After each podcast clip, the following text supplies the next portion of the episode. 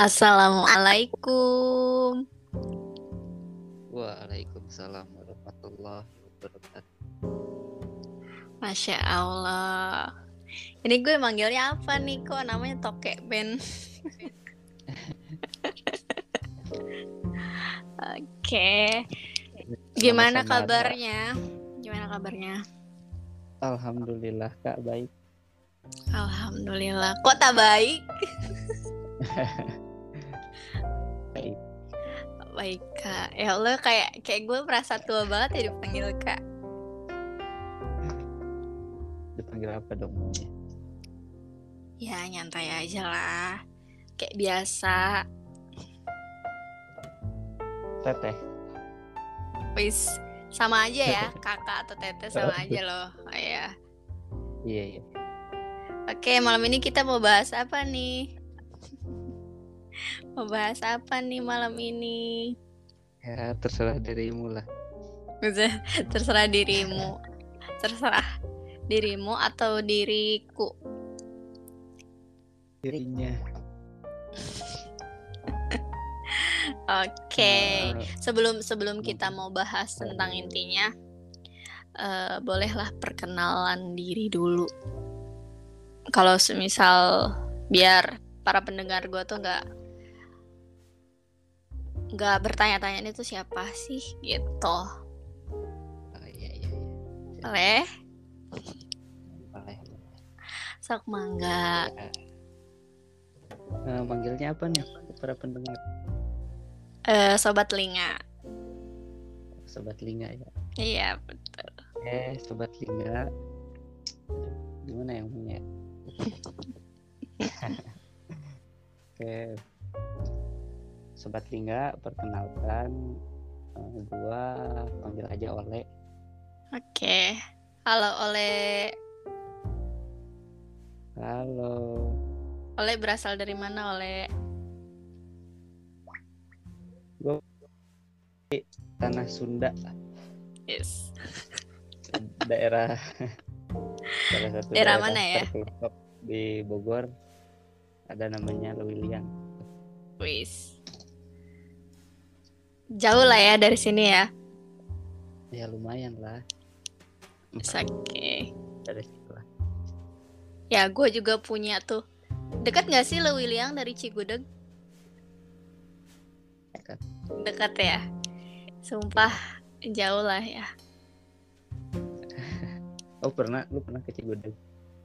Pernah dong, karena temen kuliah gue tuh orang sana. Gue ikut main ke sana.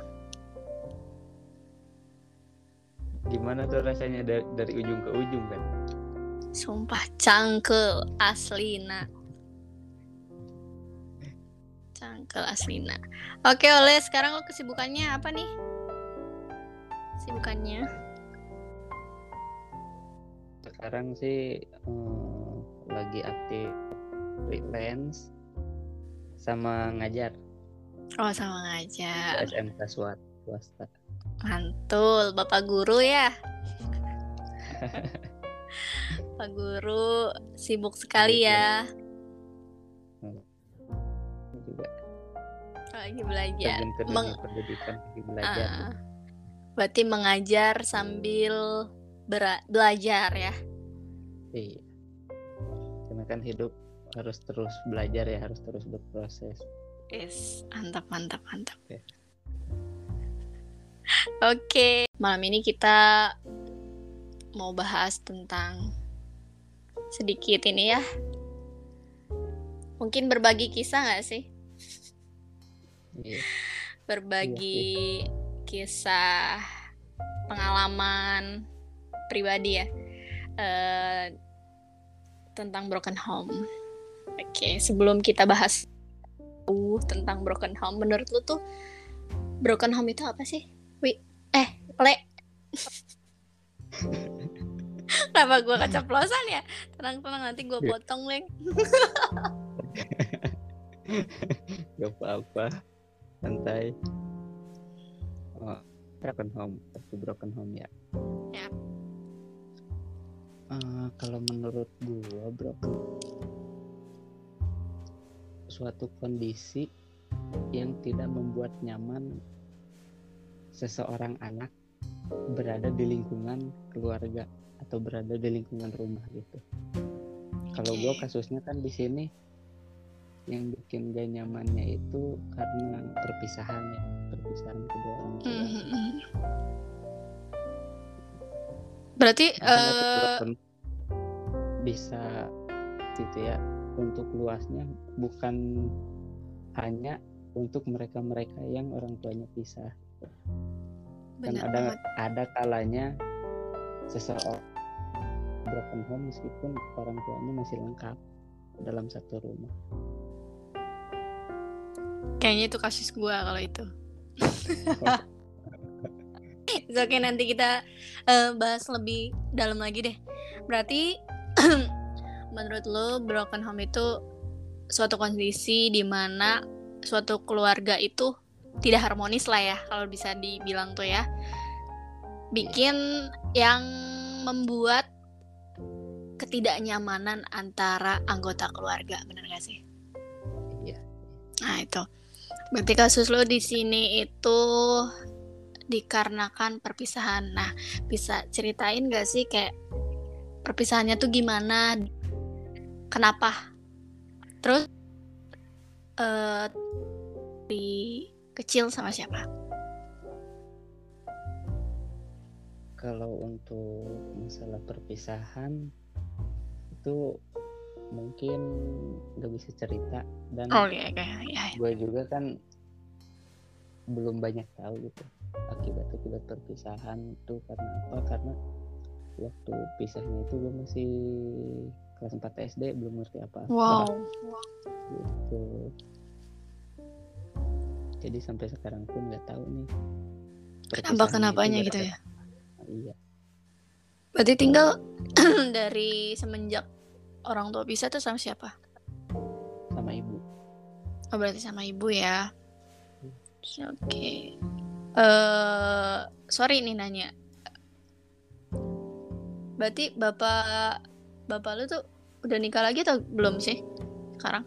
udah Oh, udah nikah lagi. Mama?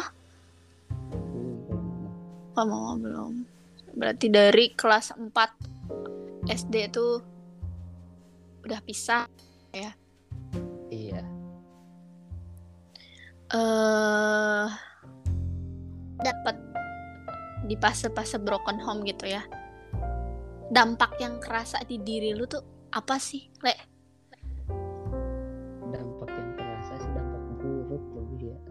Dampak buruk Apa tuh? Bisa diceritain gak bisa dibilang tuh kehilangan figur seorang ayah Oke. satu itu satu kehilangan figur seorang ayah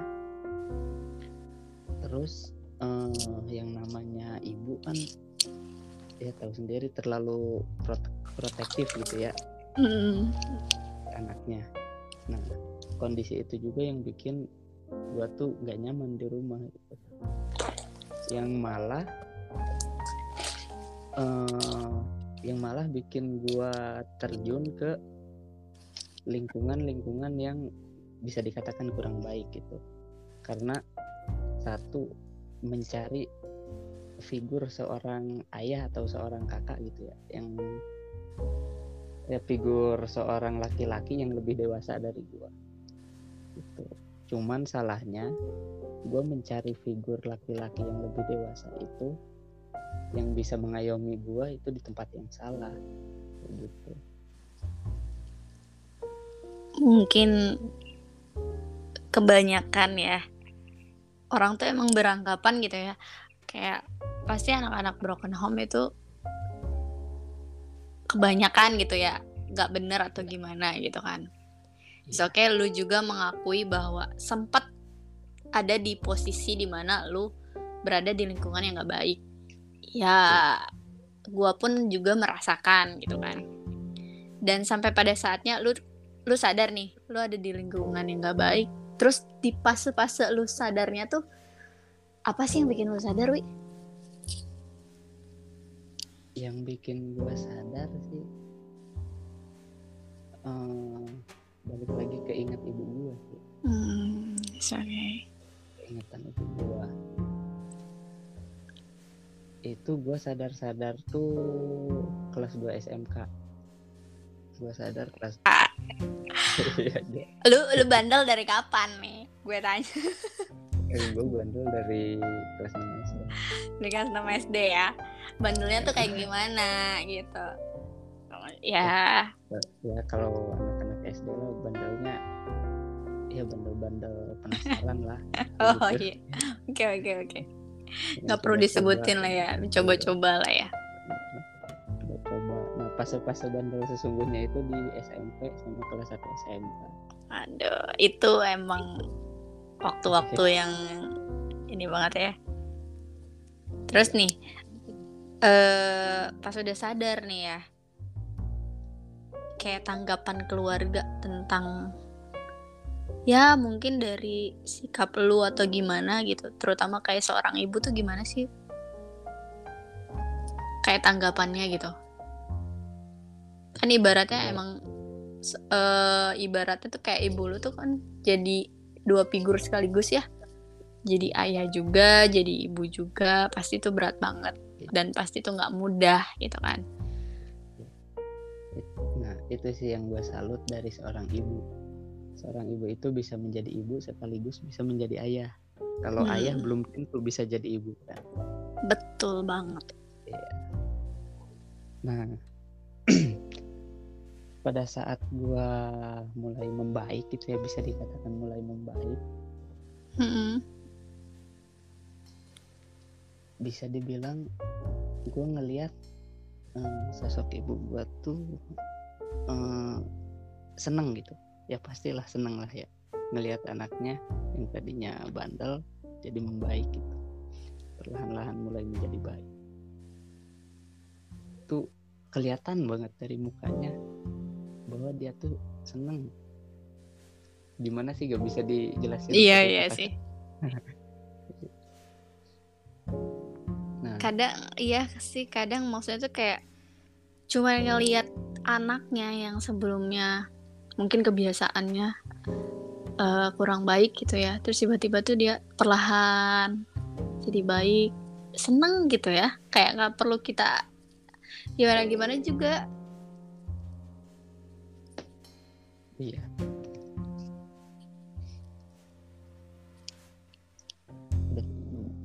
Udah kalau ingat-ingat masa itu jadi gimana ya? Jadi sedih sendiri ya nggak nggak perlu lu sedih juga sih. Yang penting lu sadar bahwa apa yang lu lakuin kemarin tuh ya nggak baik gitu aja. Berarti tapi selain ibu gitu ada nggak sih maksudnya tuh kayak benar banget benar-benar lu kayak pengen bangkit gitu dari dari hal-hal yang kemarin gitu kan gue yang bikin berubah sih sosok ibu gue mikirnya gini waktu pas mulai perlahan berubah gue mikirnya ibu gue bela-belain uh, nahan diri buat nikah lagi cuman buat ngurus anaknya buat buat ngurus gue gitu hmm. terus gue sebagai anak pertama itu kan harapan ibu gue banget gitu Yap, betul. Kalau gue yang jadi harapan keluarga gue itu masih tetap bandel kayak gini. Gue mikirnya bakal jadi kayak gimana nanti keluarga gue bakal jadi kayak gimana ibu gue bakal sesedih apa ibu gue kalau gue nanti ke depannya enggak jadi orang gitu. Wow. Itu sih. Da dalam dalam juga sih tapi bagusnya sih pemikirannya. Kayak seenggaknya. Walaupun kita belum jadi apa-apa jangan bikin ibu kita sedih lah ya gak sih? Iya, iya. gitu sih.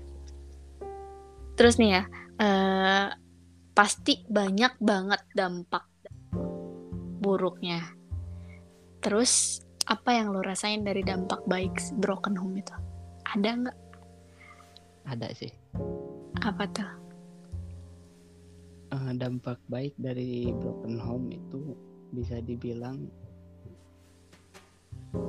uh, apa ya mental gue itu lebih terlatih buat mandiri. Gitu. Karena kan dari semenjak broken ayah gue entah ke mana gitu gue selama tiga tahun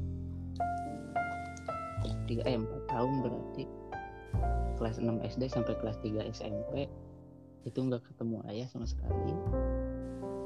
Nah di saat pengen punya uang jajan lebih meskipun masih bandel gitu ya hmm. gue tuh kadang suka ya nyari sampingan. Kadang kalau ada uh, yang minta ngojek gue ngojek kadang suka bantu-bantu di bengkel.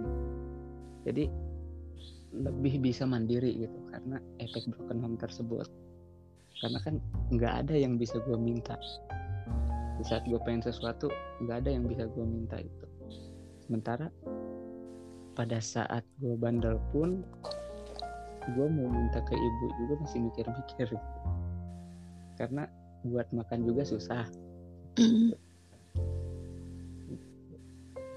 Dampak baiknya satu itu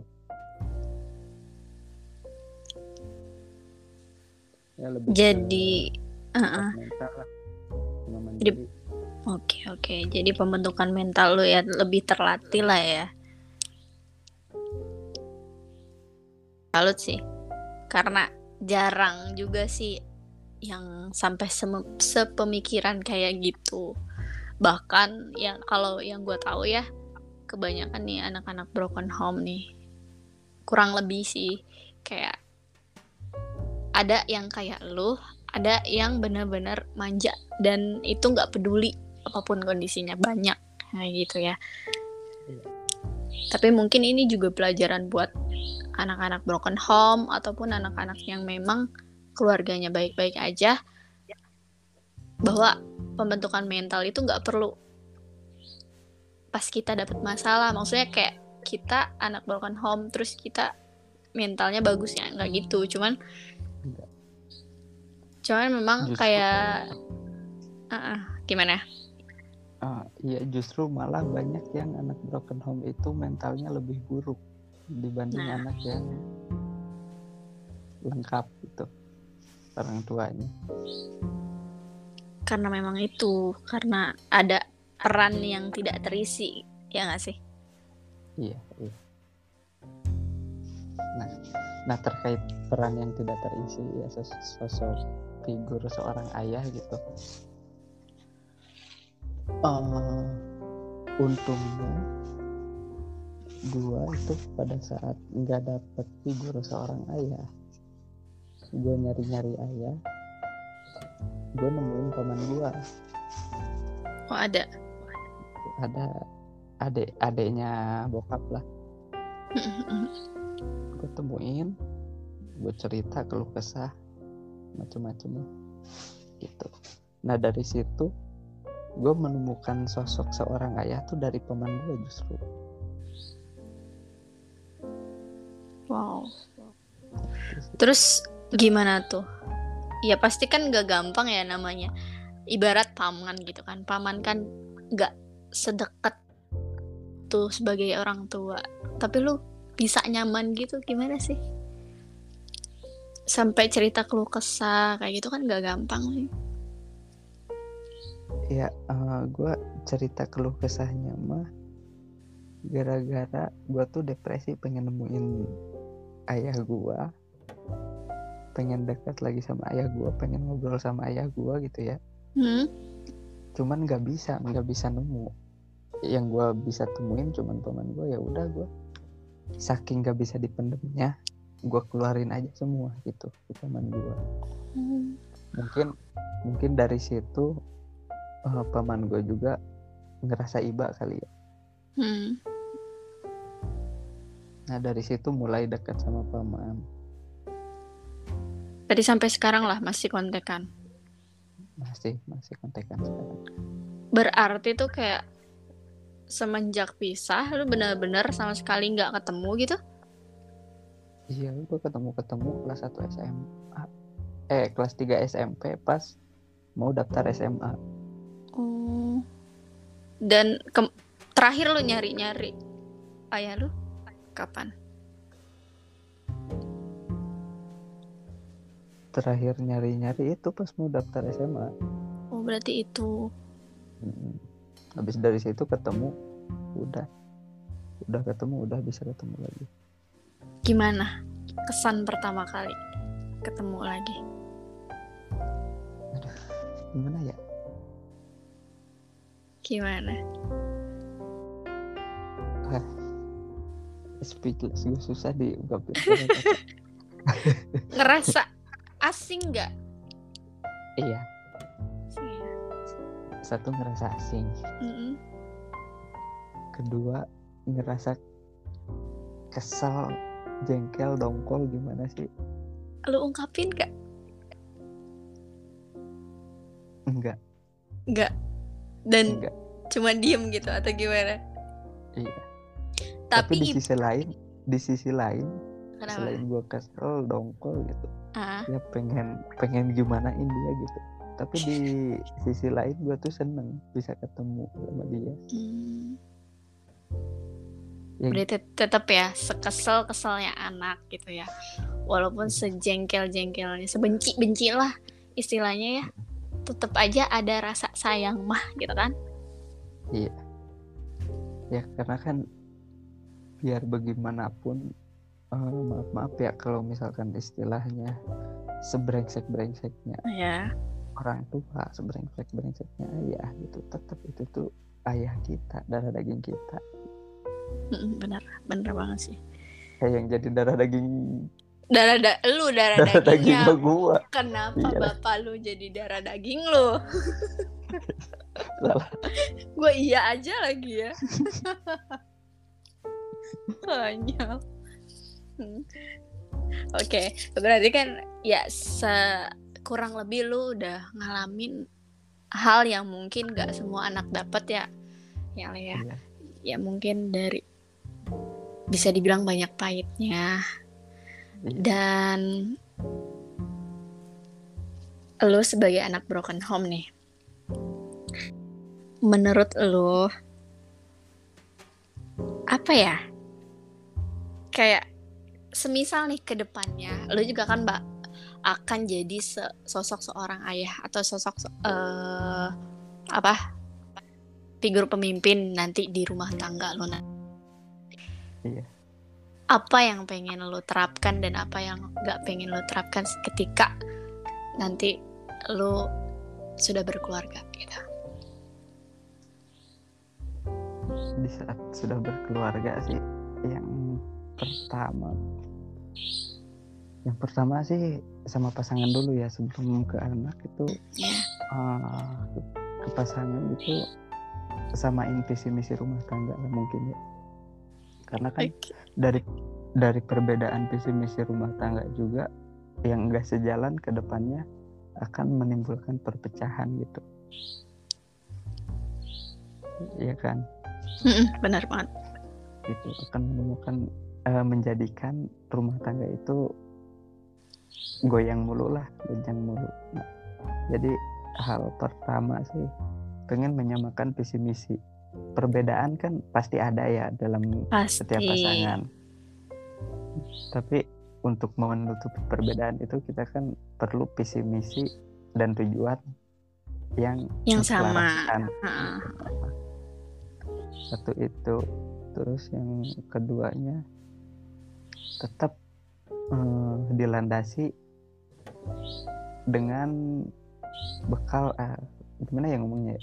dilandasi dengan bekal-bekal agama lah. Oke berarti ilmu agama ya istilahnya. Ilmu agama ya Ah, karena kan eh, ya agama diciptakan itu untuk memperbaiki eh, kehidupan manusia kan? Ya ya untuk membedakan hak dan yang bat Nah, da- yang mana hak dan mana yang batil gitu kan ya. Iya. Terus sebagai pondasi kita juga kan iya sebagai pondasi tuntunan lah. Mm-mm, tuntunan betul. dalam kehidupan. Ya betul. Kita melangkah ke sini kan ada tuntunannya. Gitu. itu yang awalnya dari situ. Berarti awal Terus? berarti dari pasangan nih. Terus gimana tuh? Dari pasangan. Iya. terus yang ke selanjutnya di saat ke anak itu menghadapi seorang anak. Ya gue kan selaku eh sebagai anak yang broken home tuh yang nggak bisa dapat kasih sayang dan figur seorang ayah gue jadinya nggak pengen anak gue ngalamin apa yang gue rasain. Jadi sebis sebisa mungkin gue nantinya akan selalu ada nggak eh, menyisihkan waktu lah buat anak-anak gue nanti gitu. waktu yang sangat berharga ya iya karena karena waktu emang nggak bisa dibeli pakai uang iya.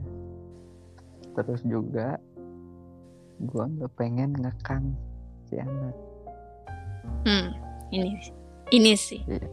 kenapa tuh kenapa tuh ya karena kan gue kan ngalamin eh, seprotektif apa ibu gue terhadap gue waktu gue di usia-usia labil lah di usia-usia SMP itu nggak enak banget dan malah bikin gue jadi tambah bandel. Gitu.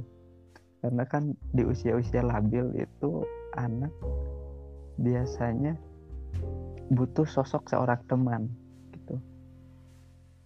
yang enggak menjudge dan enggak mengekang. Oke. gitu kan? Jadi di saat anak gue nanti usia-usia labil gue akan berusaha menjadi teman yang baik buat dia. Kan ada saatnya orang tua menjadi orang tua ada saatnya orang tua menjadi teman. Menjadi teman. Iya. ya. Berarti ilmu pa- parentingnya tuh penting banget gak sih? Iya, banget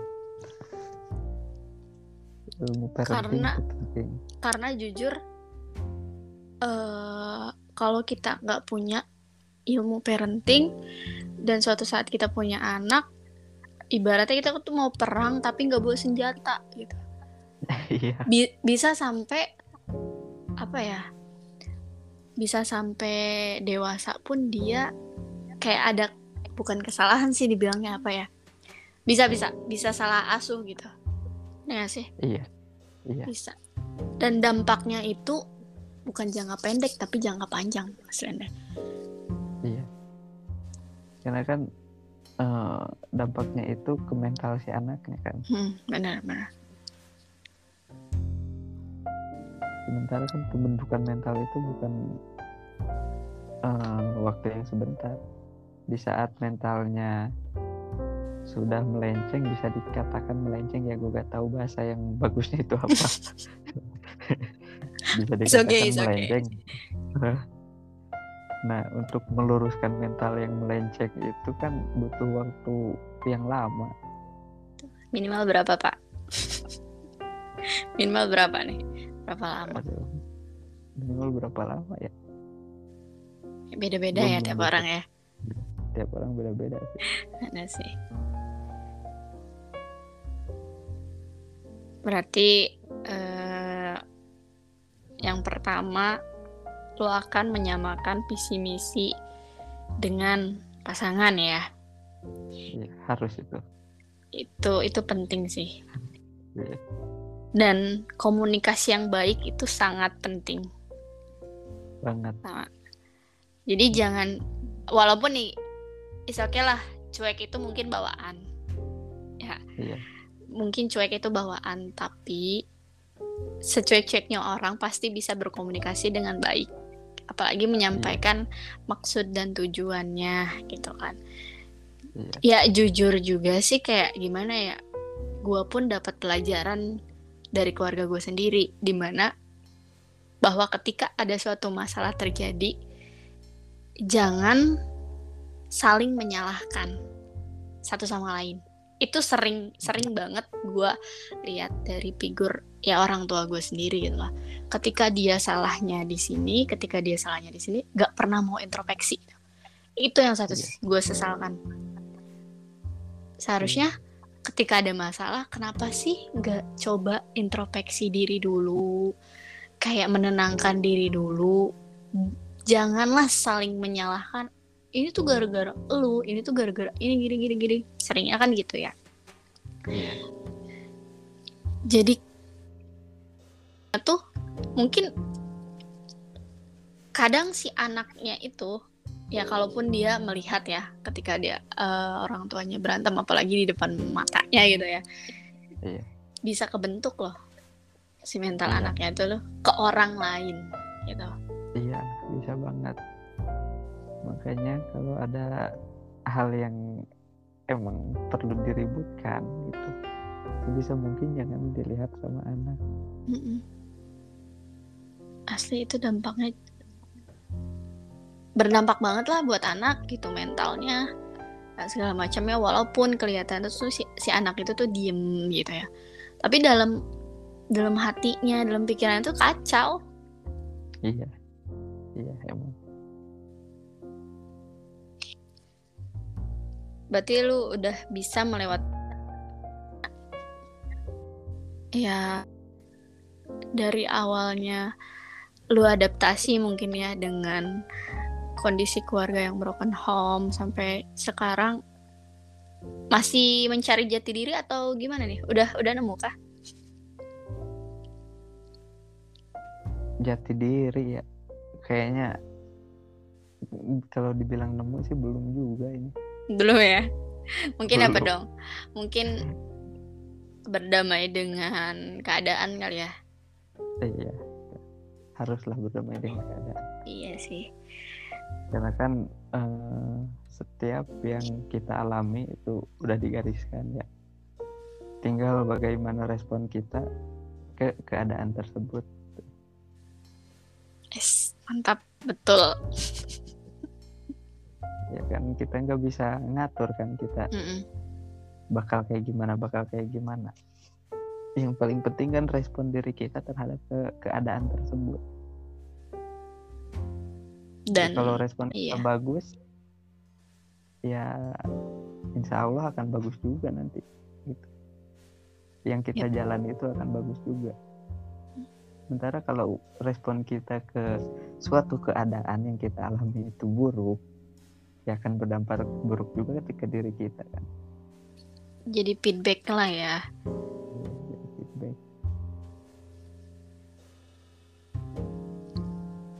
Selain itu ada lagi nggak?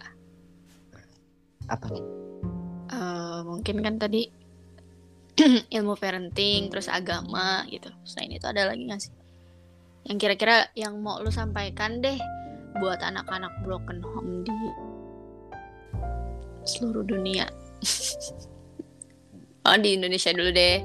Kalau nggak di orang-orang sekitar kita lah gitu, yang mungkin yang sedang mendengarkan podcast gitu iya, barangkali ada ya iya barangkali ada kalau pesan-pesan gue sih untuk anak-anak broken home yang terlalu terlarut-larut dalam jalan yang tidak baik segeralah berpindah haluan ke jalan yang baik uh, karena apa ya oke okay lah bisa dikatakan kalau mereka-mereka yang broken home itu kesel sama orang tuanya, ke ayahnya entah ke ibunya gitu. Dan nggak peduli sama ayah dan ibunya.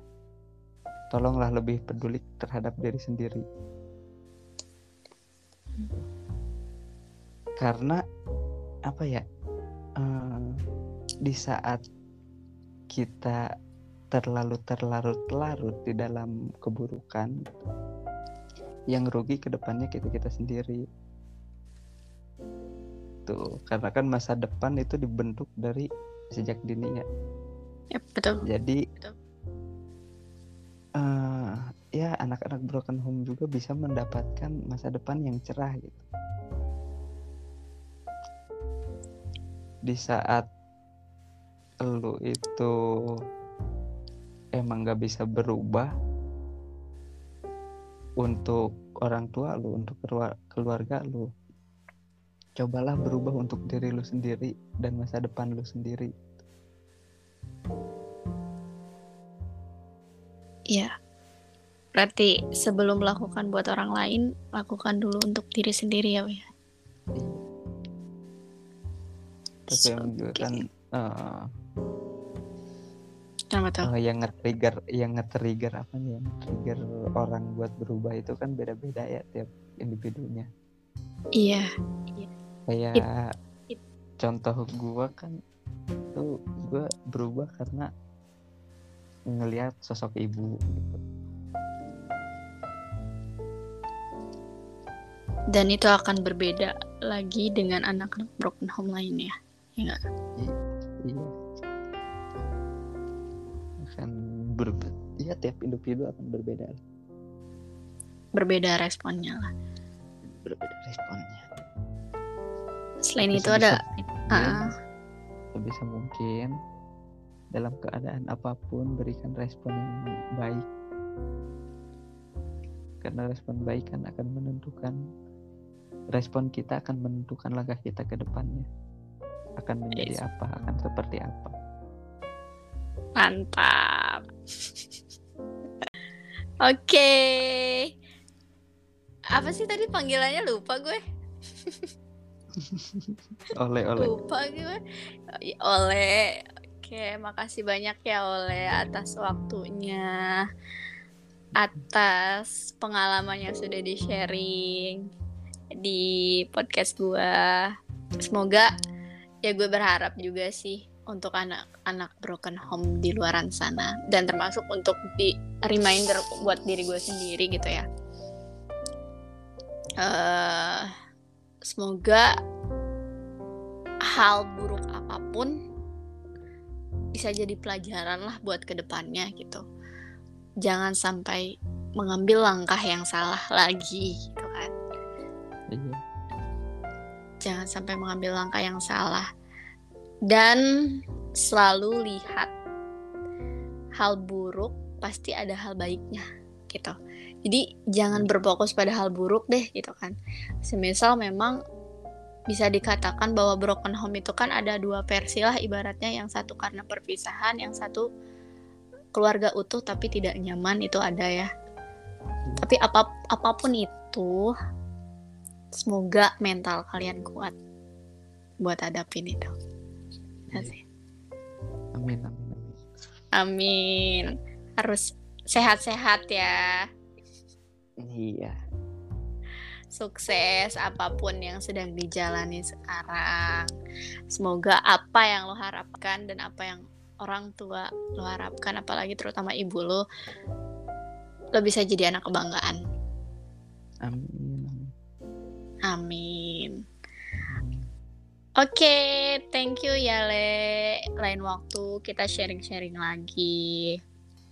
Oke, sama-sama. Makasih juga. Mohon maaf kalau ada salah-salah kata. Siap. Diakhiri nih ya. Iya. Oke, okay, thank you ya. Assalamualaikum. Waalaikumsalam warahmatullahi wabarakatuh. うん。